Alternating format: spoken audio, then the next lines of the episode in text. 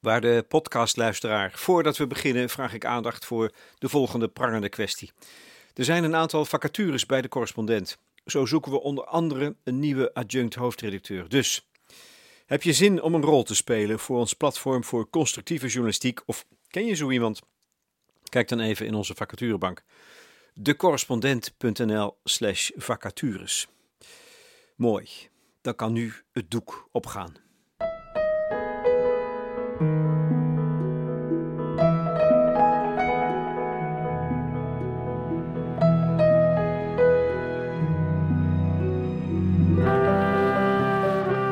Goede gesprekken bij De Correspondent. Ditmaal met schrijver Abdelkader Beinali over zijn hedendaagse bewerking van Hamlet van Shakespeare.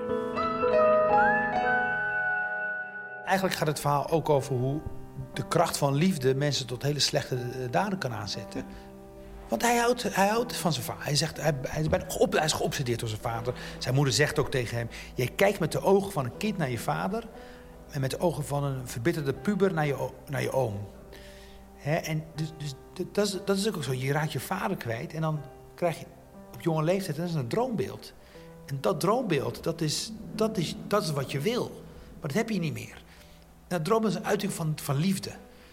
En als je eenmaal op zo'n obsessieve manier lief hebt, dan kan je ook toevallen aan hallucinaties. En wanneer je die hebt, kan het leiden tot een gruwelijke daad als moord. Maar het is, is liefde. Hamlet dood uit liefde. Hamlet wil het goede doen. Hij wil het onrecht dat in de wereld heerst, door die verschrikkelijke misdaad die is gepleegd, die alle normen en waarden opzij heeft geschoven en, en de deur open heeft geschoven naar corruptie, wil hij met die moord corrigeren.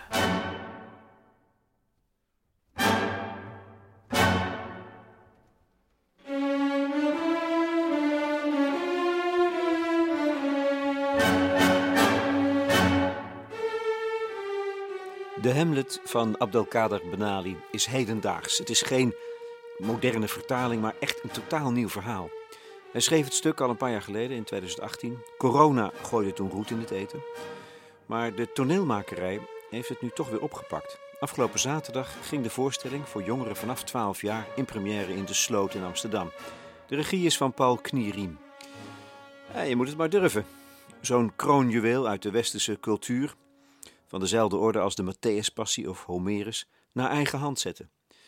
Ik zou me kunnen voorstellen dat je je dan als schrijver geïntimideerd voelt. Maar daar had Benali helemaal geen last van. Voor hem begon dit al in de vorige eeuw, toen hij Jacob Derwig zag als Hamlet en Halina Rijn in de rol van Ophelia. Dat sloeg in als een bom bij de jongen die van lezen hield, daar op de ouderzijds Voorburgwal. En ik kwam twee uur later naar buiten en ik was gewoon helemaal, helemaal in de war. Ik, was, ik, ik had zo ontzettend genoten van het verhaal. En Hamlets verwarring, Hamlets gekte, de taal. Het was allemaal. Het, was, het ging erin als, als godswoord bij een ouderling. Weet je. Het was zo, ik vond het zo prettig om te luisteren. Ik, ik, ik kon elke beweging of elk misverstand wat plaatsvond, daar kon ik, kon ik me iets bij voorstellen. Ik vond het machtig mooi. Ja. En, dus was een letterlijke liefde voor, voor wat ik had gezien. Ik, was helemaal, ik kreeg een enorm goed humeur van. Dus het is altijd wel een droom van me geweest om er, om er iets mee te doen.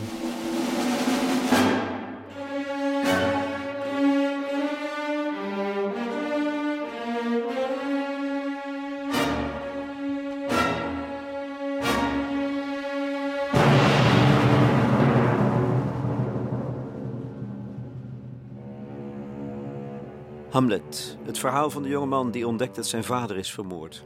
Door zijn eigen oom, notabene. Dezelfde man die nu ook nog eens het bed deelt van zijn moeder. Wat te doen? Wraak nemen? Benali heeft de kern van het verhaal overgeheveld naar Nieuw-West in Amsterdam, anno 2023. Dat is niet zomaar een, een hippe of leuke modernisering, nee. Het stelt hem in staat om iets aan de orde te stellen wat nu werkelijk aan de orde is in de stad. Als een vergelijkbare vorm van verraad. Gentrificatie. Wijken worden gestolen door het grootkapitaal. Kinderen wordt hun vertrouwde omgeving afgenomen en staan op straat, letterlijk.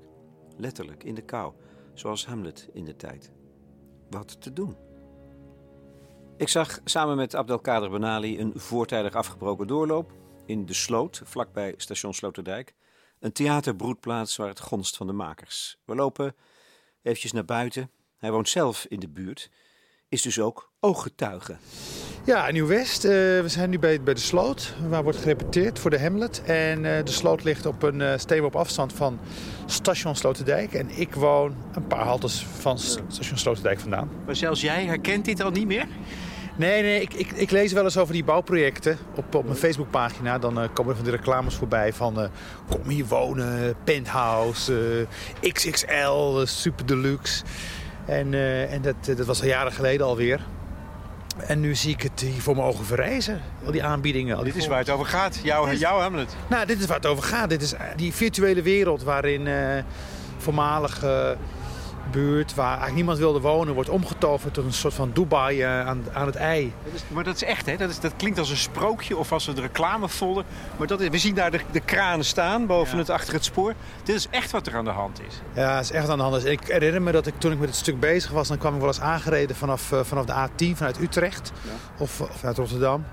En dan zag ik gewoon de, de, de, de kranen, weet je wel, de, bouw, de bouwkranen.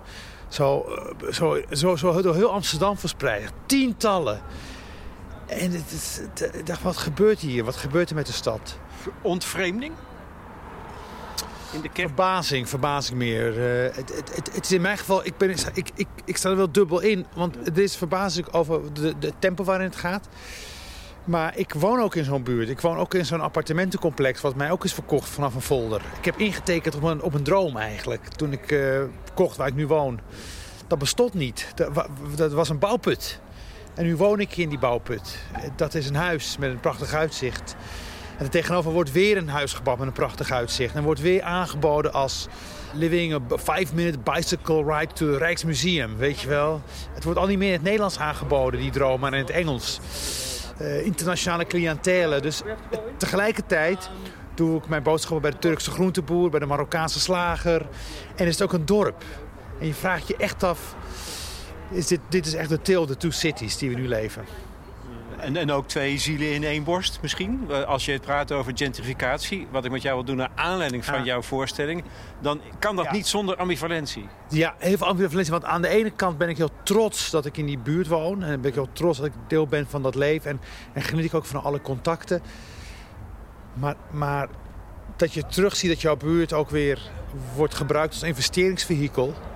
geeft een gevoel van onderworpenheid. Geeft een gevoel van passiviteit. Van ik, wie gebruikt hier wie, denk ik dan. En dat zullen heel veel mensen hebben die eh, in deze buurt eh, groeien en opgroeien. Is dit nog wel mijn buurt waar ik woon? Woon ik gewoon in een, in een beleggingsvehikel? En ben ik eigenlijk mijn leven niet zeker? Want op het moment dat het hier het grote geld landt... Uh, dat drukt gewoon echt alles weg. Met een, met, in een tempo en met een agressie die je eigenlijk niet voor mogelijk houdt. En heb je met jouw bewerking van Hamlet een soort pamflet eh, ook willen maken? Een protest? Song? Nou, ik heb, uh, ik heb meer de zorgen die in mij leven en de, de, de, de, de, de, de ontwikkelingen die er gaande zijn. En de, de, de afschuw en de vervreemding en de verwondering. En de pijn heb ik van, van, van die gentrificatie, van die stadsvernieuwing, van die stadsverandering... heb ik als decor genomen voor de wereld van Hamlet. Omdat, omdat zowel wij buurtbewoners als Hamlet um, geloven onze eigen ogen niet. En we leven met geesten om ons heen. Geesten van een buurt die, die, er, die er niet meer is. En we twijfelen. We twijfelen heel erg over wat hier gebeurt. Want aan de ene kant brengt al dat nieuwe brengt ook eh, betere voorzieningen. En eh, de buurt wordt schoner. En men let meer op de, elkaars bezittingen. En tegelijkertijd erodeert het ook omdat een verpleger, een onderwijzer, een schoonmaker, een, een, een, een, koerier kan gewoon niet meer in die buurt wonen. Die, die is er opgegroeid, die heeft herinneringen, maar die kan de huur echt niet meer betalen omdat iemand ergens tussen, tussen Amsterdam en Sydney heeft ingetekend op een appartementencomplex. Waar hij misschien wel nooit zal gaan wonen, maar het gewoon puur koopt voor als belegging.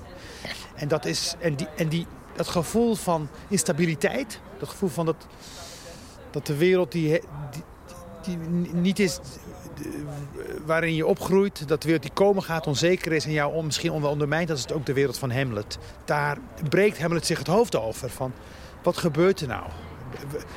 Deze wereld Elsinore die aan, aan corruptie en, en, en, en immoraliteit ten onder gaat. En ik moet dat rechtzetten. Hè, dat, hij, ja, hij gaat daar tegen vechten. En, en ik denk dat dat, dat, dat heeft me altijd aangesproken in hem, dat hij je geweten aanspreekt. Hij, spreekt, hij speelt enorm op het geweten. Dat vind ik geweldig. Ik vind het, en, en, dat mag hij. Ja, maar dat moet jij dus ook doen als Abdelkader ja, ja, ja, Jij bent ook iemand die eigenlijk tot zijn het op het geweten aanspreekt. Ja, en hij speelt op het geweten door middel van de dialoog. En dat vind ik, uh, dat vind ik, dat vind ik een hele vruchtbare vorm om het geweten aan het werk te zetten. Want dan kom je tot een reflectie, kom je tot een gesprek die verder gaat dan die verontwaardiging, verder gaat dan dat, dat die boosheid. Maar misschien ook uh, wegen opent, deurtjes opent naar het laterale denken, naar de laterale ontmoeting. Naar met wie kan ik dan een bondje maken, met wie kan ik dan, bij wie voel ik me dan wel goed en wat is dan wel belangrijk. En hoe gaan we ons niet laten verblinden door het enorme schelle licht van het uh, grootkapitaal. Toch mij weer, klinkt toch weer activistisch. Maar, maar goed, het is, het is uh, wat mij, ik schreef het stuk alweer drie jaar geleden en toen was Ophelia er ook in. Ophelia dochter van Polonius, het vriendinnetje van eh, Hamlet, die, die was toen een klimaatactiviste. En het was toen, nou ja, dat Extension Rebel, dat, was, dat begon toen zo. Heel klein, op, op duivelvoetjes. En, en ik heb toen een paar van die meiden gezien. En die waren heel serieus. Die, keken, waren heel jong, maar die keken heel serieus. Die waren eigenlijk al oud.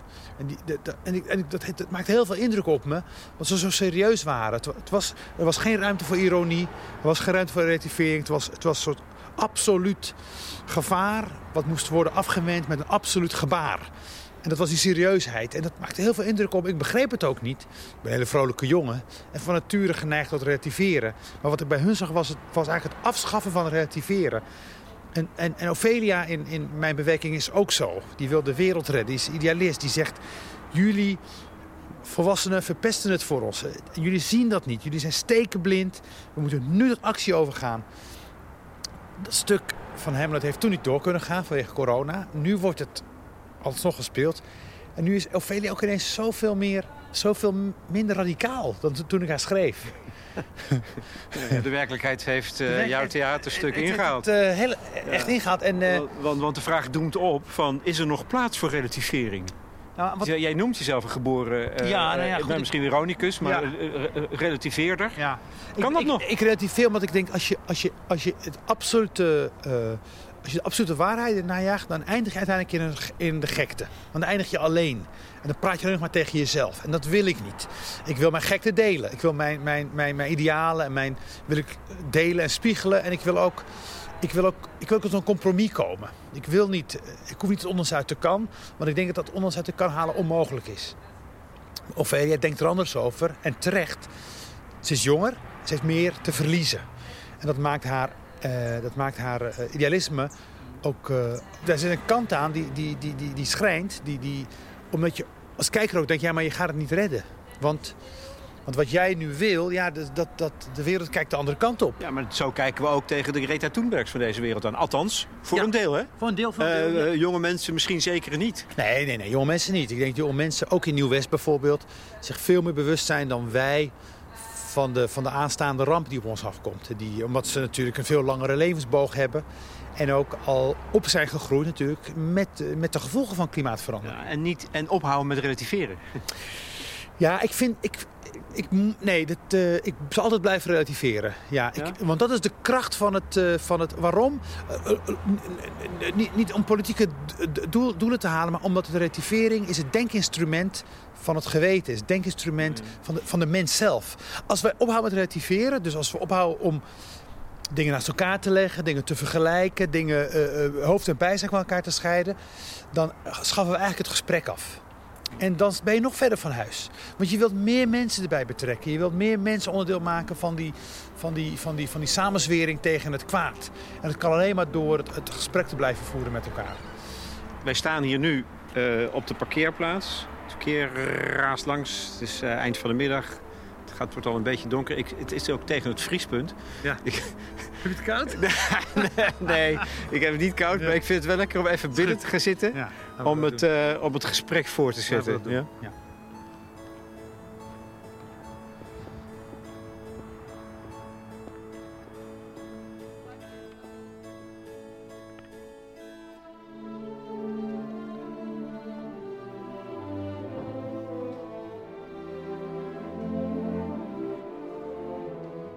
Ons huis staat in brand, zegt Ophelia, of krijst Ophelia in deze voorstelling van Hamlet. Hoe kun je nog bouwen voor de rijken? Hoe durf je? Deze planeet is het enige huis dat we hebben. En dit huis staat in brand. Glanzende torens beschermen je niet tegen de stijgende zeespiegel, bosbranden, woestijnvorming, watertekorten. We kunnen niet afwachten en niets doen. Er is geen tijd te verliezen. Ik rebelleer in solidariteit met iedereen die zijn huis kwijtraakt. Ik rebelleer uit liefde voor de aarde, de planten, de dieren, de insecten. Ik rebelleer voor het leven.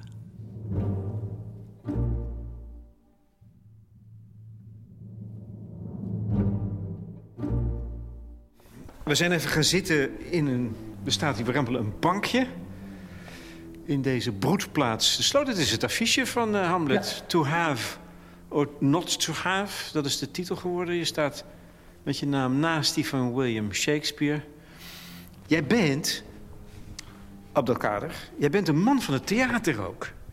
Ja, je houdt van het theater. Ik hou van het theater. Ik hou van het theater en... Uh... Uh, en ik gebruik ook uh, theater in wat ik doe. Dus als ik een lezing geef of, of optreed, dan uh, gebruik ik ook theatrale vormen. Als acteur? Nou ja, dat heb ik wel eens gehad. Dat mensen zeiden van, uh, het einde van de avond... gaan we nou voor een schrijver of voor een cabaretier? Weet je wel? en ik ben als, als jochie ben ik ook uh, heel vroeg uh, gaan spelen gewoon. Omdat ik dat hartstikke leuk vond. En, en, op de middelbare school heb ik ook bij het schooltoneel gezeten. En ik heb ook mijn eigen theatervoorstellingen gemaakt... waarmee ik door het land ga. Het is ook zo'n kwetsbare vorm, hè? We zagen net een, een, een eerste doorloop weer die, die, die, die niet helemaal zelfs afgemaakt kan worden. Ja, dat zijn dan die praktische dingen van het theater. Dus, en, en, dus je, moet, je moet wel werken om ervan te houden, denk ik ook. Ja, je moet uh, heel hard werken om ervan te houden. En, en, en, wat, ik, wat ik goed vind aan theater... Kijk, ik, ik ben schrijver, maar uh, het mooie aan een boek is dat je kan wegleggen. Een gedicht je teruglezen op je eigen tempo en gemak. Het mooie van theater, om het te spelen en om het te beleven... is dat je zowel de toeschouwer Zoals degene die, die het consumeert als degene die het produceert... doen dat in één hetzelfde moment. Het is, het is het nu. Het is absoluut een nu-punt van, van tonen en zien. En, het, en ik zeg altijd, het moment dat het doek opgaat... dan kan je alleen maar vooruit. En dat geeft ook vrijheid. Want, al het andere is niet belangrijk. En ik, en ik, ik merk dat op een gegeven moment toen ik mijn tournee zat. Ik was mijn tournee aan het maken... En dan uh, rond een uur of drie, vier, dan pak ik de auto, dan ga ik naar het theater. Nou, rond een uur of drie ben je aan het leven. De kinderen naar school brengen, je moet mail schrijven, afspraken maken. Dan kom ik aan het theater, dan, uh, ik laat het decor uit, het decorstukken neem ik mee. De technicus zet het klaar. Rond een uur, of zes, als het decor zit, ga je wat eten. Dan om zeven uur dan is het terug het theater. En dan van zeven tot half negen, zeven tot, tot acht, dan is het gewoon zen, rustig. En dat vond ik altijd het mooiste moment omdat je gewoon wist van tussen nu en... Er is niks meer wat tussen mij en het spel staat. Ik hoef alleen nog maar mm. me zo meteen daar te gaan staan. Je moet je overgeven, hè? Dat ik ga me overgeven, ja. En, uh, en, het, en, dan ga, en dan is het dan acht uur, half negen... en dan zegt de zaaltechnicus vijf minuten voor aanvang... zaal gaat open. Dan gaat die zaal open. En het moment dat, dat je opkomt, dat, dat is prachtig. Het publiek komt binnen, je hoort het geroezemoes. Je hoort iedereen dingen doen met elkaar, dingen bespreken. Ze gaan zitten... Je bent aan de andere kant als spelen. Ik, ik sta klaar om te spelen. En het moment dat het licht uitgaat, bam, dan verandert werkelijk alles. Dan, kan het, dan ben je met elkaar een reis aan het maken. En er is overgave, ook van die kant. Dus overgave van mijn kant. Maar ik voel ook overgave van die kant. En de, en, en, en, en, en, en de schoonheid is wanneer die twee overgaven samenvallen op een bepaald punt. En dat is magisch, denk ik. Het is heel apart, heel bijzonder. Je bent zelf er helemaal niet van bewust, want je bent, want je bent natuurlijk in het stuk alleen maar aan het... met de klok mee. je, je, moet door. Je kan niet mm. voelen van, dit is magisch. Nee. En dan, dan ben je het kwijt. Ja. Je moet, het moet, en je moet ook... Je moet elkaar achterlaten in verwondering. dus eigenlijk het goed theater is wanneer je erop betrapt dat het mooi alweer is geweest. En, dat is, en ik denk dat dat moment van spanning, van het was, oh wauw, ik heb, oh wauw, dat moment, dat is schoonheid. Of dat, daar, daar, zit die verwondering in. Ja, het heeft een beetje, ik proef de passie voor, van jou, maar dat heb je al volgens mij voor alles wat je doet. ik doe niet zo heel veel, maar, maar, maar ik vind eten, koken, ja, schrijven, nou ja, van alles. Maar um, het, soms denk ik wel eens, hoe, heeft het niet iets ouderwets, hè? Uh, theater. We gaan een, een, donker zaaltje in met een, een, kleine, relatief kleine groep mensen. Sluit je elkaar op. Er is de televisie, er is de waanzinnige series zijn er. Dus dat is... Maar het, is het ook iets van... Een van de redenen waarom, waarom je ervan kunt houden... is dat het moment van dat alles verandert... als het doek open gaat of het licht aan dat dat toch iets heeft van betovering. Ja. En dat wij op zoek moeten in deze wereld naar betovering. Eh, eh, het woord is intimiteit voor mij. Okay. Uh, hoe zorg ik ervoor dat, hmm. dat het publiek... Uh, door mijn stem, door wat ik doe, wat ik te vertellen heb... zich thuis voelt in zichzelf. De intimiteit creëren. Gewoon, en dat is, dat is magisch. Want het, het maken van theater is best wel gekunsteld. Ja, dat, ik, ja, dat bedoel ik een Snap je? Het is, ja, het is gekunsteld. Het is enorm, ik, ik moet de luisteraar niet mee vermoeien. Het is met potten en pannen en plakband en de gaffertape en, en licht. En, het is heel, heel technisch. Maar op het moment dat het licht uitgaat in de zaal en jij het woord krijgt... Om, om, ja, dan, is, dan draait het allemaal niet meer... Dan gaat het alleen nog maar om dat menselijke contact. Mm. En het woord is intimiteit. Mensen willen thuiskomen in zichzelf. En het, gevoel, het warm krijgen of kippenvel krijgen. Maar ze willen, maar ze willen voelen. Ze willen voelen wat jij voelt. En, en zij, geven mij, zij nodigen mij uit om dat te tonen. Dus ik, ik begin geen try-outen met mijn monoloog. Zeiden met z'n afloop, het was heel mooi, maar je mag nog langzamer vertellen. Want we hangen aan je lippen. Dus laat het maar gebeuren. En op een gegeven moment, in, aan het begin van mijn... Ik heb een theatermonoloog gedaan, mijn moeder en zoon. Aan het begin van de tournee was hij 1 uur en 10 minuten. En aan het einde van het rit was hij 1 uur 30 minuten. 20 minuten extra was 20 minuten intimiteit. Je bent met, met elkaar in die zaal. Dat is heel bijzonder.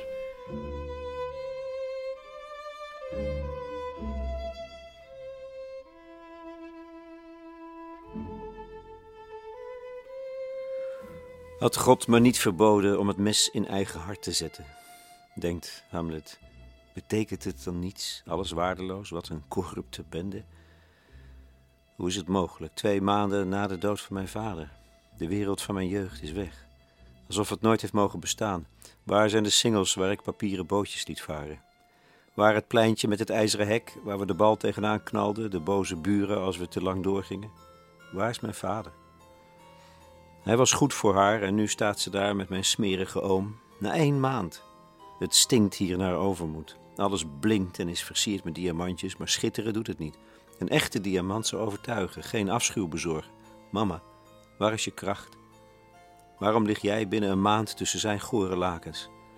De dood van je chihuahua deed je meer verdriet. Ik moet hier weg, meteen. Anders ga ik dood.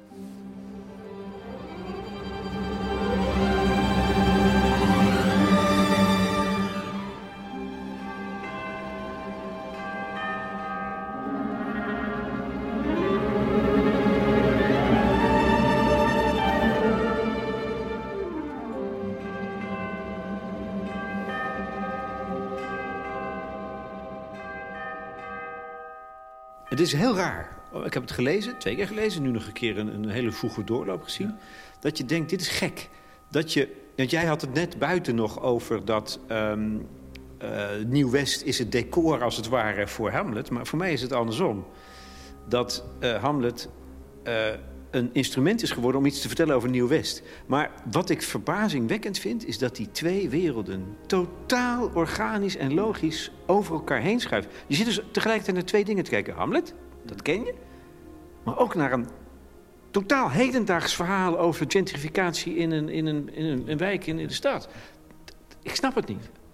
Ja, voor mij was de sleutel op een gegeven moment uh, het monetaire aspect van Hamlet. Uh, heel plat gezegd, het kapitalisme eigenlijk. Hm?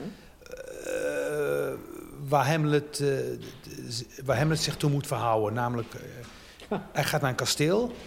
Zijn vader is dood, is een nieuwe machthebber. En die heeft, die heeft al het bezit gekregen. En, en ook de taal van Shakespeare gaat heel graag over winst en verlies. Winst en verlies. Um, geld verdienen, geld verliezen. Dus het, dus dat zit er dan al in? Dat zit erin. Dat dus, zit erin. Is het beginjaren van het kapitalisme. Precies, ja. Dus het is al het begin van... Uh, je, aan de ene kant heb je, heb je dus, dus een wereld die draait om profijt en macht... maar ook een wereld waarin honor, eer, trots uh, ook, ook natuurlijk heel belangrijk zijn. Geloof, heel belangrijk. Maar die staan er dan tegenover? Die, die botsen met elkaar. Onze wereld verandert omdat, omdat de waarde van dingen in geld wordt, wordt omgerekend. En steeds minder in, in de menselijke waarde en de decorum van mensen. De waardigheid van mensen. Dat stond toen, toen al op gespannen voet met elkaar. He, men, ging, ging kapen in de Middellandse Zee, men ging uh, landjepik doen. Dat heeft, mensen werden van de ene op de andere dag enorm rijk. Of verloren van de ene op de andere dag alles. Door pest.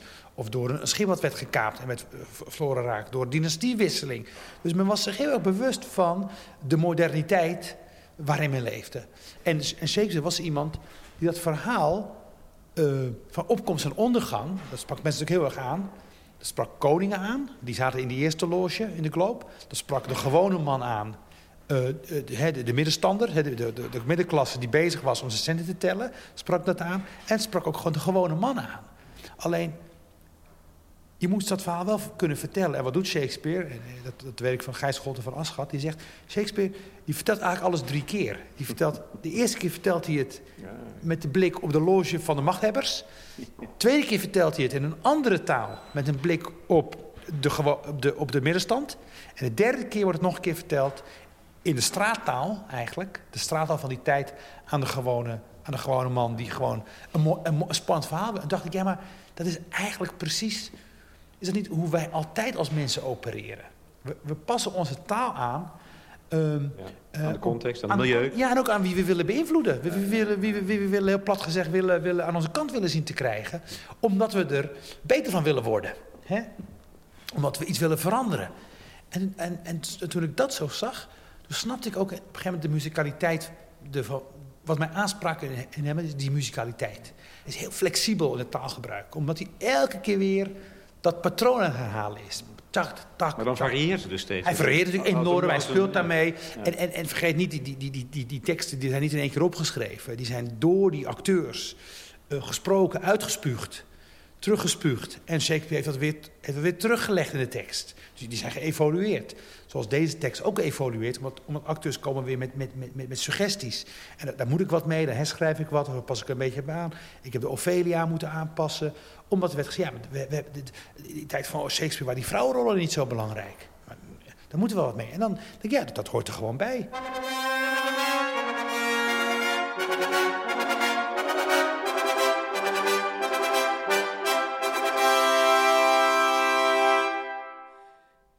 Hamlet is een tragedie. Mensen weten niet precies hoe de vork in de steel zit, daarom lopen ze in de val van het lot. Onafwendbaar. Een confronterend idee vind ik dat. Die dimensie van het tragische. En juist voor jonge mensen, want die krijgen ingepeperd tegenwoordig dat het leven, hun leven, maakbaar is, toch? Hoe ziet Abdelkader Benali dat? Is het leven in diepste wezen iets tragisch? Kijk, de, de wereld is natuurlijk onverschillig. Dat, dat, dat, dat is. Dat, en dat, en, dat is ook heel erg. Eigenlijk. Dat is heel erg. En dat. Uh, en uh, mensen die in Nieuw-West wonen, die. Uh, wat het tragisch aan Nieuw-West is heel. Ik woon in een appartement. Ik woon dus in een heel mooi. Ik woon echt een heel mooi gebouw. Prachtig gebouw. En we hebben, we hebben niet door, het kapitaal, hè, want ik, ik ben geprivilegeerd dat ik daar mag wonen. En dat, dat, dat gebouw is neergezet met heel veel geld. Dat, daar zit een heel plan achter, het geld achter, het macht achter. en die macht en die kracht, dat zie je terug in het glas. Het is driedubbel glas. Zie je terug in het beton. Het is gestort beton, het is, het is beton uit een fabriek. Het is geprint beton, zo'n 3D-beton wordt daar gewoon neergezet. Die, dit gebouw heeft een schaduw aan huizen daarachter, de sociale woningbouw. Dat is daar al sinds de jaren 50. Dat, die zijn er toen gebouwd met de gedachte... de arbeider moet een mooie woning krijgen door zo'n woning. Want door zo'n woning, daar viel dat licht zo mooi doorheen. En, en uh, de, de stedenbouwkundige van het moment, Jacoba Mulder Amsterdam... die bedacht, toen om op, in, tussen die appartementen in, tussen die woonblokken... speeltuintjes aan te leggen waar de kinderen konden spelen. Dan kon moeders in de keuken staan... En dan kon ze met één oog de pan roeren en met het andere oog had die kinderen spelen. Dus dat is nou ja, utopisch. Nu werd mijn gebouw een schaduw op die andere gebouw. Dat is toch tragisch. Ik kwam een buurvrouw tegen, dus bij mij het appartementencomplex. En die had een bewoner gesproken van die sociale woningbouw. En die mevrouw van de sociale woningbouw, die had iets gezegd wat het echt tragisch maakt. Die zei tegen haar, jullie wonen in zo'n mooi gebouw, dat doet ons lelijk voelen over waar wij in wonen. Dat confronteert ons met, hoe, dat, met, met, met het feit dat, wij, dat, we, dat we in een bouwval wonen. En dat is tragisch. Zo. De, de schok. is pijnlijk. Ja, ja maar, maar dat, dat, dat, je, dat, dat, dat wij denken als samenleving. Dat, wij denken: oh, kijk eens, mooi gebouw, top, state of the art. Dat gaat, geen, dat gaat alles omhoog. Betere voorzieningen, want dat is ook zo. Hè? Met het mondige. Mensen, grote mensen, twee verdieners komen wonen, hoe weinig ook, zijn mondiger. En daar luistert de gemeente meer naar. Dus die voorzieningen gaan ook omhoog. Dat, en daar profiteert natuurlijk iedereen van. Vergeten we vaak. Maar dat wij denken dat het door zo'n mooi gebouw is, dat ineens al die mensen daar denken van, oh wat goed zeg, dat we hier wel. Nee, je drukt ze eigenlijk nog dieper de put in. Want je, want je confronteert ze met een, waar wonen wij dan in? We hebben helemaal niks. En, en, en, dat, dat, en, en dat is wat er dus gebeurt als er wordt gebouwd. Dat, dat dat verhaal van die mensen, dat daar niet naar wordt geluisterd. Maar goed, dat is ook, dat is ook moeilijk. Want dan moet je, zien, dan moet je zien welke schade je zelf aanricht. En het is ook, je hoort die verhalen pas als het te laat is. Maar vind jij dan dat wij meer naar de... Kijk, wij waarderen de, die tragedies van Shakespeare en Chekhov en noem ze maar op. Waarderen wij. En de, en de, de klassieke tragedies. Als een zinvolle ervaring. Wat is de waarde daarvan voor jou? Hè? Van, dat, van dat tragische, om dat mee te maken? Of is het... Moet je het in het theater doen en moet je het in de realiteit zien te voorkomen? Ja, catharsis is, voor, voor, Aristoteles is catharsis, hè, de, de, de, ontknoping van de tragedie, zorgt voor een gevoel van, van genezing. Die, die, De demonen worden uitgedreven. En je komt, je komt als andere mens naar buiten. Uh, en je, je, hervat het contact met de ander ook op een ander niveau. En, en, en ik geloof uh, dat een tragedie uh, democratiseert het gesprek dat we met elkaar kunnen voeren. En hoe, waarom is dat? Dat leg ik aan middelbare scholieren uit. Ik zeg, omdat de tragedie, die de vorm van de tragedie, doet een enorm appel op jouw empathie. Je gaat, je, je gaat nadenken over de motieven van elke speler in het stuk. En helaas trekt de beste persoon trekt aan het kortste eind. Dat is tragisch. Want, want, maar dat is ook de realiteit. Dat is ook, en dat ja, had het niet verdiend. Dus, dus, dus de vraag is natuurlijk van het morele appel. Van wat, wat, wat, wat waarom is dat? En, en, en, en ik vertel dan aan jonge mensen, ik zeg, en dat is... Aristoteles vraagt van jou eigenlijk om, om te denken over wat het is om burger te zijn in deze samenleving. Ben jij in staat om vanuit verschillende perspectieven naar een zaak te kijken? Naar een, naar een conflict? Kan jij dat? Kan jij jouw eigen positie verlaten? En Want als jij dat kan, dan kan je ook meedoen aan de democratische arena. Want dan ben je beter in staat om die afweging niet alleen voor die ander, vooral voor jezelf te maken. Want uiteindelijk is elk belang, ligt eigen belang. En dat, en dat maakt die tragedie weer super interessant. Omdat we natuurlijk nu in die bouwwoede en die gekte van de gentrificatie... zijn we ergens ook vergeten om na te denken over, over dat gezamenlijk belang wat betekent dat voor die ander? We zijn het echt vergeten. We zijn namelijk zo, dat is aan Shakespeare-tijd, zo geobsedeerd door, door de vooruitgang en de verbeteringen en, en de geldaanwas. Dat, dat hebben we een soort van, dat, dat, dat hebben we, we hebben dat, dat hebben, daarvan hebben we gezegd, dat, moet, dat is gewoon de wet van de markt. Dat, kunnen we, dat, dat is een natuurwet. Daar kan jij maar niks aan doen. Ja, dat is helemaal geen nee, nee, maar, nee, maar, maar, nu, maar dat komen moeten we leren, dat moeten we denken. Nu achter. Daar komen we nu achter. We komen nu ineens achter. Ja, nee. Uh, vindt de oorlog plaats in Europa? Uh, uh, de, de, de, de, gasprijzen gaan omhoog dat leidt tot totale ontwrichting van de samenleving. Wat nou markt? We moeten iets doen. We moeten iets doen. We moeten kijken naar de zwakkeren in de samenleving. Want als we die zwakkeren niet ondersteunen en helpen, dan erodeert dat, dan, dan kan het penthouse, dat stort dan in. En vice versa.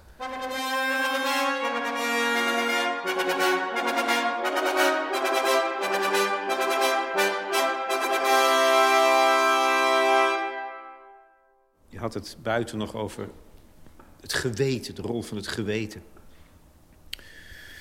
Um, jij woont daar. Speelt jouw geweten op? Bij, zoiets als thuis zijn, waar je thuis bent, waar je woont?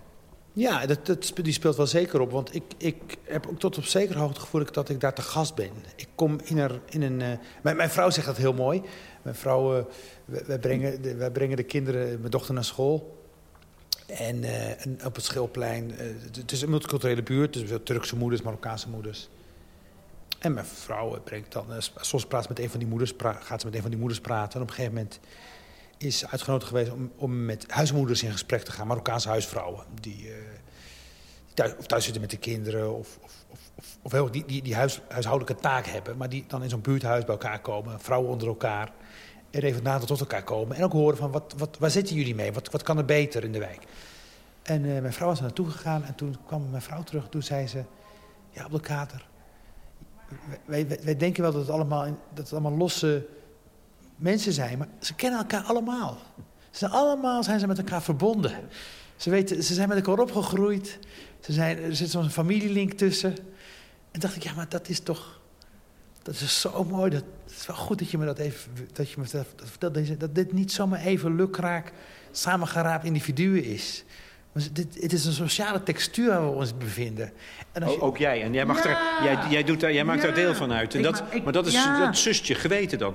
Ja, nee, maar ik moet, moet het ook zien. En dat respecteren. Ja. Dus niet denken van, oh nee, dat kan niet. Of als, ik, als er dingen gebeuren van ik denk, nou, dat kan wel anders. Meteen gaan roepen van, van dat gaan we even oplossen.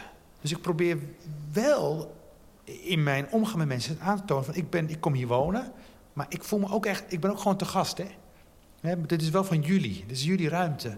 En, en dat doe je door houding, door, door hoe, hoe, hoe, ga je met mensen in gesprek, welke houding neem je aan.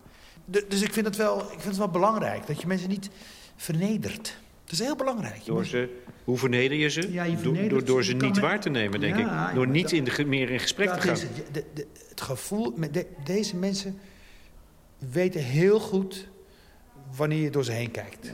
Om, om de verkeerde redenen.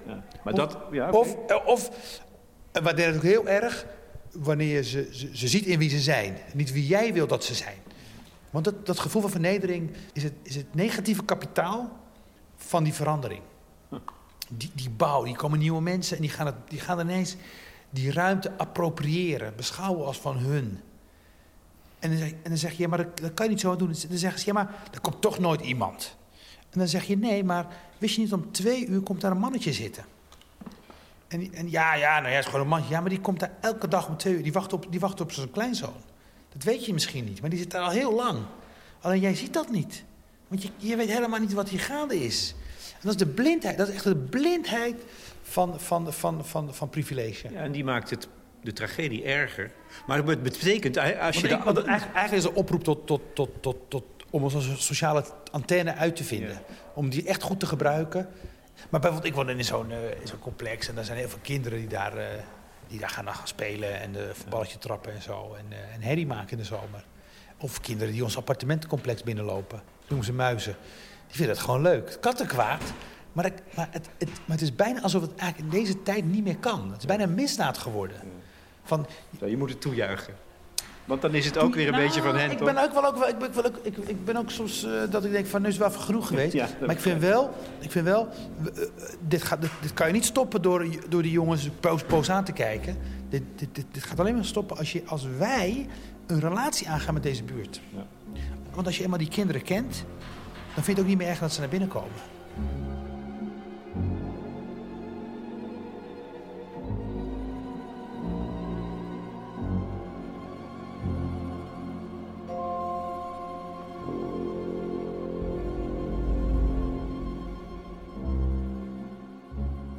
De Hamlet van Abdelkader Benali en de toneelmakerij is een vat vol ambivalenties. Niet alleen persoonlijk, maar ook op maatschappelijk vlak. Onderwerp van gesprek is de gentrificatie van Nieuw-West, van oudsher een multiculturele samenleving. Maar die tegenstellingen zijn niet bepaald zwart-wit. Nee, het is niet zo dat de Marokkaanse Nederlanders uitsluitend dupe zijn en het kapitaal in handen is van de witte mannen. Nee, nee, gelukkig niet. Het is veel complexer. De gehate oom van Hamlet is ook een Marokkaanse Nederlander die hult met de vijand. Het groot kapitaal. Het kapitalisme is hier gewoon de, is hier de afgod van zowel van wit als van bruin. Ja. in die wereld bestaat geen tragedie. Er bestaat alleen maar winstaccumulatie. Hè. Dat is natuurlijk marxistisch. Maar ik, ik, denk dat het wel een goede manier is van kijken naar wat er nu gebeurt. Het verheldert wel iets over de, de, de staat van het land. zowel die Zuidas-advocaat, die belegger, als die, als die kleine man uit Nieuw-West met een taxibedrijfje... die op een gegeven moment land heeft gekocht en is gaan bouwen... creëren een broederschap. Dat heeft iets heel giftigs. Want het, het onttrekt Uh, het haalt alle adem weg uit zo'n buurt. Het gaat alleen nog maar over, over hoe kunnen we op, zo min, op zoveel mogelijk vierkante meter zoveel mogelijk geld verdienen. En het interesseert je helemaal niet meer hoe, waar mensen vandaan komen, wie ze zijn. Of ze zich thuis kunnen voelen. voelen. En het, gaat, het kan al binnen één generatie plaatsvinden. Die, die vervreemding. Door dat, door, niet alleen door geld, maar ook door uh, verwaarlozing in de buurt. Ook door uh, gebrek aan uh, ideologie, gebrek aan, aan ideeën. En, dan, en ik denk waar ideologie, waar er geen ideologie is die gebaseerd is op de noden van mensen, daar ontstaat fascisme. Dat, namelijk fascisme een ideologie die pasklare antwoorden geeft, die voortkomen uit de gedachte dat het zoiets als een superieur ras, met daaraan verbonden superieur denken en superieure beelden. En uh, de zoon van Polonius, uh, die wordt dan naar de binnenstad gestuurd en die gelooft heel erg in de kracht van het lichaam. Die zegt eigenlijk, wij moeten eigenlijk een voorbeeld nemen aan die exotische culturen die binnenkomen, want dat zijn allemaal macho's. En al die macho's, die, uh, dat, die mannelijkheid, dat, hebben wij, dat zijn wij kwijtgeraakt. Wij zijn een decadente westerse cultuur. We worden met voeten getreden, want we zijn, slap. We moeten, we moeten ook gaan kickboksen. Want het kickboksen is niet alleen een sportbeoefening, maar het is, het, is het, hard maken van het lichaam. En wanneer het lichaam hard is, dan is de geest ook hard. En dan ben je een partij. En als je een partij bent, dan heb je een gevecht. En als je een gevecht hebt, dan kan je winnen. En de winnaar, is altijd. En de winnaar van het gevecht heeft altijd gelijk. Fascisme 2.0. Nu is het zo, toen ik dit schreef, heb ik het enorm aangezet. Inmiddels hebben we... Dat was 2018, hè, ja, je het schreef. Inmiddels hebben we Andrew Tate. Ik, ik, weet niet of je over hem hebt gehoord. Ik, ik, ik, zou, daar, ik zou even induiken. Nou, die, dat is zo'n man die is, nu op, die is nu opgepakt voor het runnen van een illegaal webcambedrijf... waarin hij vrouwen uitbuit. Maar die, dat is de grote held onder jongeren. Balees-jongeren, Fossius-jongeren. Omdat hij de hele tijd zegt... een man moet een man zijn. Een vrouw moet je vernederen. Want dat vindt ze fijn. Want dan kijkt ze tegen je op.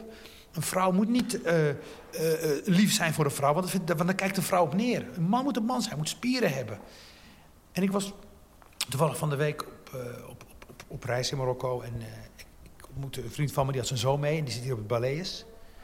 En is een Marokkaanse jongen. En die vertelde over hoe populair iemand als Thierry Baudet is. Op het Balees. Onder jongeren. Onder jongens. Maar ook zo Andrew Tate. Omdat die omdat jongens van die leeftijd zoeken weer naar rolmodellen. In een wereld die door die oververhitte markt, door oorlog, door corona... is hij zo instabiel geraakt. Is hij zo arm aan ideeën geraakt. Is dat, dat militaire geweld wat zich aandient. Dus dan, maar ook bijvoorbeeld man-vrouw verhoudingen, die staan onder druk. Men weet niet meer, wat, wat is het om een man te zijn, wat is om een vrouw te zijn. Al deze jongeren, jongens willen weer duidelijke vormen op een fluiditeit van de wereld. Kijk, als je wat ouder wordt, dan ga je die fluiditeit omarmen. dan uh, denk je, ja, maar dat is, de wereld is, is fluide, kijk maar. Maar als je jong bent, ik was ook jong, dan wil je dat het, het moet hard zijn. Maar dat is kracht, en kracht geeft zelfvertrouwen. Nou, en deze, dus de zoon van Polonius, die, die, die, die is eigenlijk een soort type Thierry Baudet 2.0. En dat had ik toen, toen ik dat schreef, had ik het een beetje zo, zo dacht ja, dat, dat is zo jong. En nu is het, dat is, dat is nu helemaal doorgedraaid. Want, want hoe, hoe vindt dit soort denken, hè, vaste vormen, hardheid in een fluïde wereld... dan zijn, zijn bondgenoten in dat grote kapitaal? Nou, bloed, dat, is, dat is, het wordt echt bloedlink omdat het, in de, voorstelling spelen sociale media ook een belangrijke rol. TikTok, YouTube, filmpjes maken, likes scoren. Maar ook die vormen van aandacht trekken... die, die zetten karikaturen aan van mensen. Die zetten droombeelden neer van mensen die helemaal niet desmenselijk zijn. Die, die, die, die waarden als zachtheid, aardigheid, liefheid, uh, dialoog, uh, openheid, eigenlijk afzweren. Die zeggen eigenlijk, je moet mooi zijn, je moet verleidelijk zijn, je moet aanraakbaar zijn, je moet onaantastbaar zijn, je moet sterk zijn, je moet in het moment zijn, je moet in de kortstondigheid zijn, je moet knallen, je moet vlammen. En, en jij kan dat doen, want met een filtertje op je TikTok, met een, met een, met een YouTube-filmpje waarin je uh, iemand prankt en iemand uitlacht, score je likes en ben jij de winnaar. En de rest is verliezen. Zero-sum game. En, van wie hebben we zero-sum game geleerd? Om te denken in verliezers en één winnaar. Ja, natuurlijk van onze economie. Van de wereld die we hebben verzonnen voor onszelf op dit moment. Waarin het alleen moet gaan over groei. Waarin dingen alleen maar meer moeten blinken. Waarin dingen, eh, offshore bedrijven worden aangemoedigd, waarin belasting, on, on- we noemen niet ontduiking, maar evasion. Hè, dat ik vroeg hoorde een keer iemand die dat deed voor Costa Rica. Toen zei ik tegen haar, ah, eh, is toch belastingontduiking? En zei ze, nee, nee, nee, don't call it that, call it tax evasion. Weet je wel, de, nou, Vermijden. het vermijden. Het- Dus, dus ook, maar ook die dubbeltaal die wordt gecreëerd om, om eigenlijk oplichterij, om, om bedrog, om alle mogelijke vormen van fake it till you make it, om dat goed te praten. Dat hebben wij zelf gedaan. En deze jongeren, ja, die, die, die, die, die moeten daar wat mee. En die, die, die, die spelen daar ook hun spel in mee. Maar ik denk dan, dan kom je toch weer, bij, bij, weer terug bij het geweten. Ook jonge mensen hebben een geweten. Hamlet heeft ook een geweten, want hij wordt tot drie keer toe in de verleiding gebracht om zijn, om zijn oom te vermoorden en ziet er vanaf. Steeds weer om een andere reden. Dus het geweten zal altijd, gek genoeg, je kunt het geweten niet tiktokken, maar het speelt wel uiteindelijk een fundamentele rol in onze, in onze besluitvorming. Eh, Paul, tot snel. Ja, De regisseur. dat was mooi. Ja, ja dat was goed man. Moeten jullie even napraten nog? Ja, we even napraten, ja. Kunnen we wel even napraten? Ja, oké. Nou, ja. Ja, nee, ja, nee, echt. Ik heb echt, joh, ik vond het, ik vond het ontroerend. En, eh Oh, ik nou ja. vond het Matthäus passief was ik Ja. En, wat, en wat waren de momenten die je ontroerend vond dan? Jeetje, Mina, wat moet ik zeggen? Ja. Of wat is je bijgebleven? Wat, wat, ja, met- wat- wauw. Nou, ik, het, is, het, is, het, is, het is zo... Het is zo'n rollercoaster. Ik, daar wil ik wel even... oh, dat voel je al. Ja, tuurlijk. Ja, nee, het is wel... eh, het is, het is, Dat, dat, dat voel ik namelijk nog niet. nee, jij niet, jij niet, jij niet. Maar ik, Je ziet alles wat er nog niet goed Ik is natuurlijk. vooral nog heel Ja, erg naar de ja, dat constructie te ook, kijken. moet ook, ja, en moet alles ook. wat er niet goed gaat. Nee, maar, maar het is, is het ook leuk om dit te ik doen. vind, eh, ik eh, heel goed. Ja,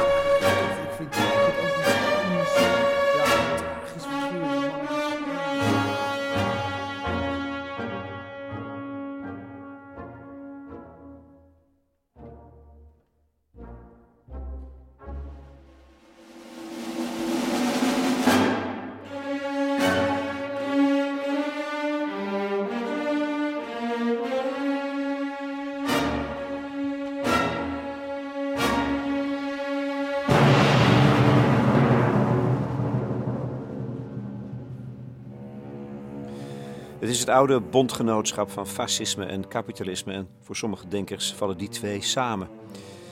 Maar er staat ook nog iets anders tegenover. Hamlet krijgt de opdracht van zijn vader om hem te wreken. En opeens zie ik het voor me. Het begin van een keten van gewelddadigheid. Actie en reactie. Bijvoorbeeld in de vorm van terrorisme. Bijvoorbeeld van extremistische islamisten. Of want in dit stuk speelt eh, de religie geen enkele rol. De georganiseerde misdaad. Het onder druk zetten van jonge jongens om een moord te plegen. En vaak jongens met, met, met, een- met een beperking. Die dan op een hele listige manier worden gemanipuleerd. eh, door middel van, van cadeaus, aandacht, eh, wo- woordgebruik, taal. Om te doen wat ze moeten doen voor, voor een baas. Net noemde jij het tegen de regisseur eh, The Making of a Murderer. Ja, ja ik vond dat... Je zag ja, het zelf opeens voor. Hamlet is in die zin, het is een, het is een, het is een, eh, het is een thriller. En, en het- je zit tijd op, dat vond ik ook zo goed, je zit tijd op het puntje van je stoel van wanneer gaat hij het doen? Want hij twijfelt. Hij zegt, ik gebruik mensen, je moet iets doen, je moet niet praten. En elke keer is er weer een aanleiding, gebeurt er weer iets waardoor hij over, nog dichter bij dat randje komt. En je zit te wachten, bijna te hopen, hè, want we zijn voyeurs, dat hij over het randje gaat. Dat is ook, Ja, daar ontdek ja. je ook in jezelf dat je heel graag een moord wil zien. Wat gebeurt er met iemand die... ge- Waarom eigenlijk? Want het raakt aan, aan, omdat, aan de... omdat, omdat, het, omdat het de horror... Dat is ook, dat, Nee. Omdat het de horror is van elk mens. We zijn gefascineerd tot absolute kwaad. We zijn gefascineerd wanneer een jongen die alles heeft... alles om zeep helpt. Dat vinden we mooi, dat vinden we spannend om naar te kijken. Dat kunnen we, we, weer die kunnen, tragiek ja, waarschijnlijk. we kunnen ons er niks bij voorstellen. En dus willen we, het, willen we ons een voorstelling ervan maken. He- en heeft dat dan ook toch nog een relatie met radicale islam? Die ook naar geweld gebruiken. Jongens, jongeren... Weet je, daar, daar zit je natuurlijk vlakbij, hè? Bij, Wat- bij, wat- bij, bij nou, begrip daarvoor, in feite nu. dat- het, het is eh, eh, minder kort door de bocht dan je nu zegt. ja. Want eh, veel van de, die jongens die zijn, eh, die zijn omgegaan tot terreurdaden hè, vanuit, vanuit het islamisme. D- nou, die psychologische portretten zijn getekend. Die kwamen vaak, die, die, hadden, die hadden vaak op hele vroege leeftijd te maken met een afwezige vader. Afwezig. Afwezige vader, ja, ja, ja, ja, ja. Dat is een terugkerend iets. Dus misschien wist jij dat al, en daarom stelde je de vraag. Nee, nee, nee. Oh, Oké, oké. Nee, maar ik vind die is- relatie natuurlijk wel, Ja, dat is ja, natuurlijk wel zoveel betekenend. Het is, het- ze hadden geen voorbeeld. Ze hadden niemand om tegenop te kijken. Ze hadden niet iemand die hun... Dat zegt, en, en die monoloog zegt, Hamlet dat ook, van... eh, we hebben allemaal een vader nodig die tegen ons zegt, het komt goed. En, dat hadden, en die jongens die... die kijk, onder, tussen die grote groep van terroristen... dat natuurlijk ook gewoon mensen die gewoon helemaal van het padje zijn. Die heb je natuurlijk ook. Maar er zit ook gewoon een groep tussen die radicaliseerde naar psychose, naar depressie. Ehm, door pijn. Die wordt omgezet naar haat. En waarom? Eh, om- omdat ze ook vaak dan... Wat, wat, veel van die jongens namen hun moeder ook kwalijk dat ze hertrouwden. Ja, dat is Hamlet. Het is Hamlet. Van ja, waarom had die met een hoer? Weet je wel. En dat is, dat, die verhalen heb ik gelezen. En ik denk dat ik zo, die verhalen... En die hebben heel veel indruk op mij gemaakt. En waarom? Dat is omdat, omdat toen, ik, eh, toen ik trouwde met mijn vrouw Saïda... Dat is, een- dat is een Amsterdamse... Toen hoorde ik veel verhalen over uit elkaar gevallen gezinnen in Amsterdam. In de Marokkaanse gemeenschap. Waarin de vader afwezig is. Of er niet aan tafel wordt gesproken. Eh, gewoon niet, überhaupt niet met elkaar wordt gepraat. Waarin de vader er niet is. Uit beeld is geraakt. En dacht ik van, dit is eigenlijk, een dit is eigenlijk iets waar, niemand over praat. Maar het is er wel. En, dus- en dat zwijgen, eh, het zwijgen is eigenlijk een grotere, groter taboe dan de afwezigheid zelf. Want als die vader weg is, ach ja, het is een nieuw leven begonnen, zo doen ze dat, la la, weet je wel. Maar dat er niet over wordt gepraat. Dat, je erover wil praten, oh nou, nee. En misschien is dat wel wat me heel erg aanspreekt in, in, in Hamlet, is dat hij ondanks zijn woede en zijn wraaklust toch nog altijd probeert contact te maken en een zekere vorm van luciditeit heeft. Of denkt dat hij controle heeft over de situatie. Nou ja, en, Maar dat zie je natuurlijk ook bij die, bij die, ook bij die, bij die terroristen. Die willen, die denken dus door de daad de wereld beter te kunnen maken, te corrigeren. Wraak nemen, hè. maar ook weer, ook, vaak ook in, die, in hun geloof, hè, gaat het ook over... wat ik hier doe, is het spaarpotje voor in de hemel. Dus als ik, als ik nu mijn leven geef, dan betaalt God mij het, het, het, het eeuwige leven uit. Ook weer die monetaire uitruil. En dat zie je ook al in de tijd van Shakespeare, dat men daar heel bij worstelde. Van, van kan je het mensenleven terugbrengen tot een monetaire entiteit?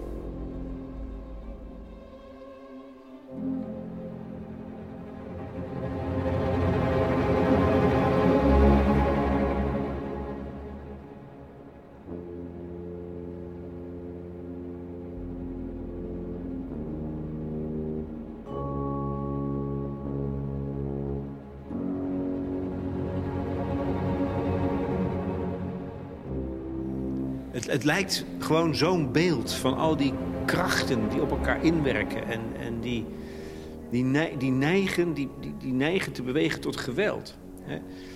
Zal er nog een, een, een soort thuis kunnen zijn in de nabije toekomst?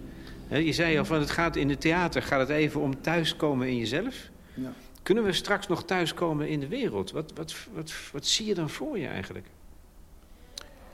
Ja, nou, ik, ik heb, eh, ja, ik heb wel die, eh, de, de oorlog in Oekraïne heeft, heeft eh, wij dachten natuurlijk tot voor kort dat, dat er zo, zo de, er was een bipolaire wereld, hè, de, de, de, het Westen aan de ene kant en dan had je aan de andere kant China en, en dan had je aan de kant het globale zuiden en, en dan had je Rusland, nou, die, die, dat kregen we dan die grondstoffen van en nou ja, een paar oligarchen die af en toe een voetbalclub kochten.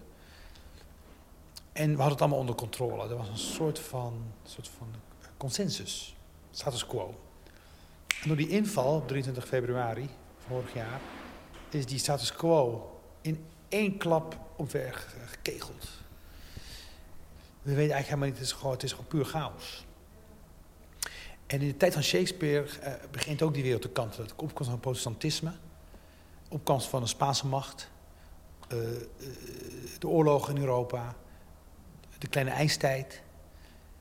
En volkeren die beginnen te schuiven. Dus alles op losse schroeven en op drift. ja, Ook chaos. Ja, chaos, chaos. Van...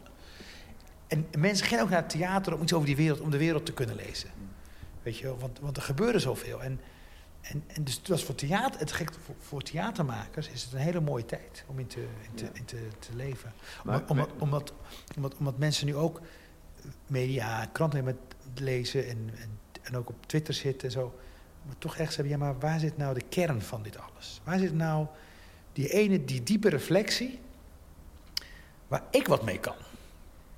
En, en je, mag dat- de, en- en- je mag de diepte ingaan. Hè? Mensen die naar theater, dat merk ik ook met moeder en zo. En de theater, mensen komen echt voor de diepte. Van neem ons maar mee. En, en, en, want het is uiteindelijk een voorstelling voor jongeren, 12 plus. Hè, die jongeren die ook misschien wel dat gevoel hebben van... wat een chaos, in wat voor wereld leef ik. En wat, wat denk jij dan dat, dat jullie met je voorstelling... dat voor die jongeren eigenlijk in, in de kern kunt bieden? Ja.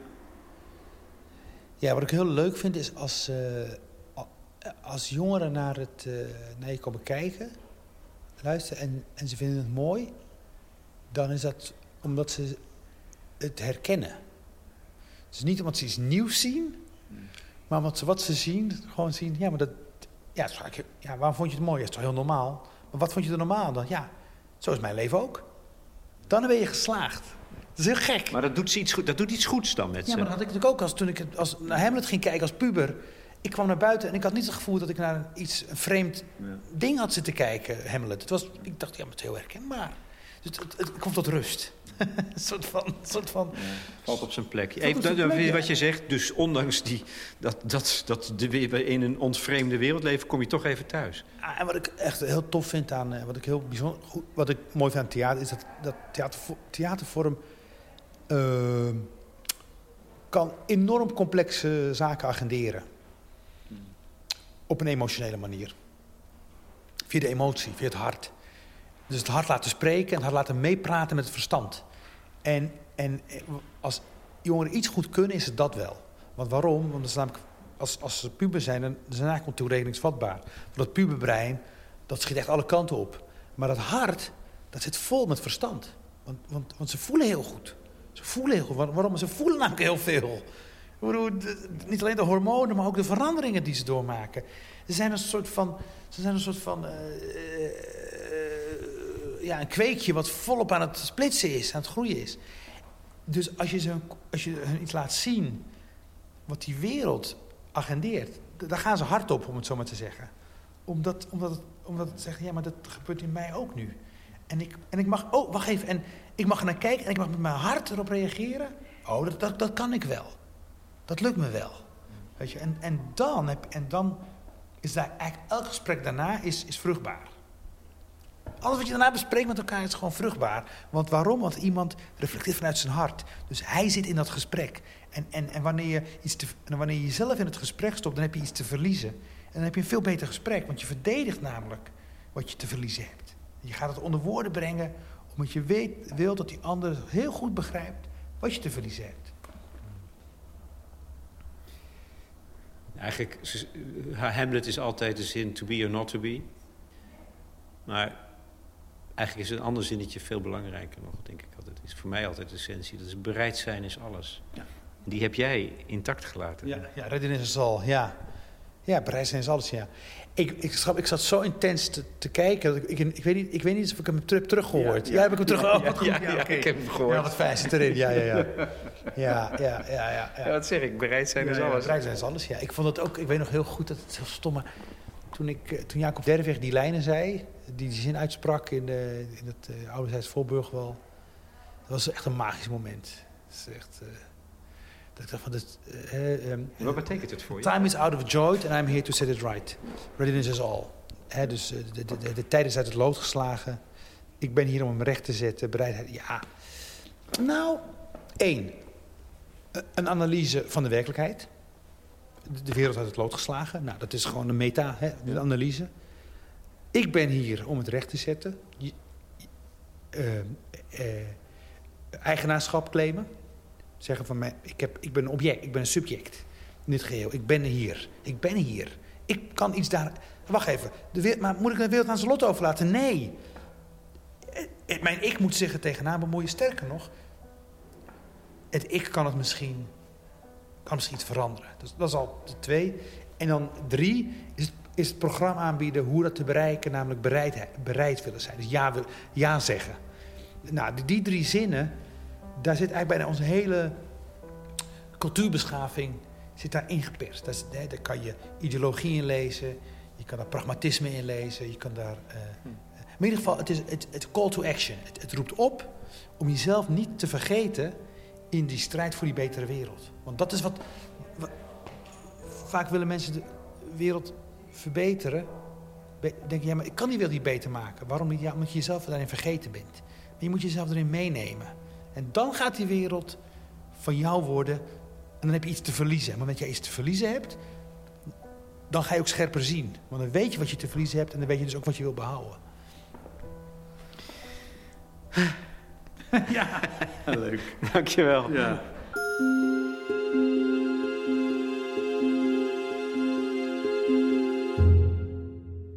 Abdelkader Benali in gesprek met Lex Bolmeijer voor de correspondent.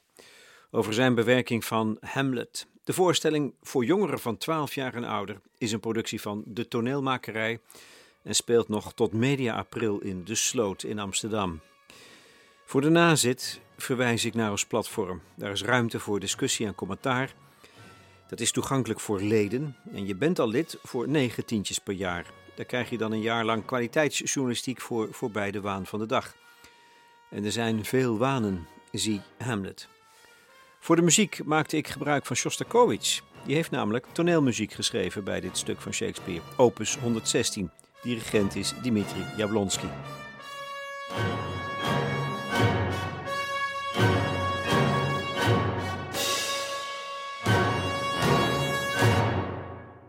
En dan vraag ik tenslotte graag nog even aandacht voor een nieuwe podcastserie van Maite Vermeulen en Maaike Goslinga. Binnenkort op ons platform Containerbegrip. 90% van onze spullen komt uit een container. 90%.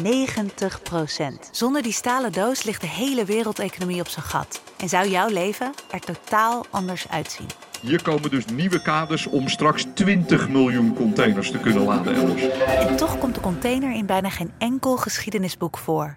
En weten we nagenoeg niets over de reis die onze spullen erin over de wereld afleggen. Het is een ongelooflijk bewijs dat we als Nederland iets kunnen. En hier zijn we goed in. En dat laten we hier de hele wereld zien. Het is een bizarre paradox. Containerschepen behoren tot de grootste door mensen gemaakte dingen op aarde. En ze zijn tegelijk totaal onzichtbaar. En duik je in de wereld van de container, dan zie je ineens dat die stalen doos van alles verbergt. Ja, totaal is er 3,2 miljoen kilo rotzooi in zee beland. Er is een criminalisering opgetreden van zeevarenden. Het wordt echt een gevangenis. Some of the worst cases are over four years that seafarers have been left on board. They haven't gone home. They haven't been paid. Gaat het hier eigenlijk over monopolievorming? Ja.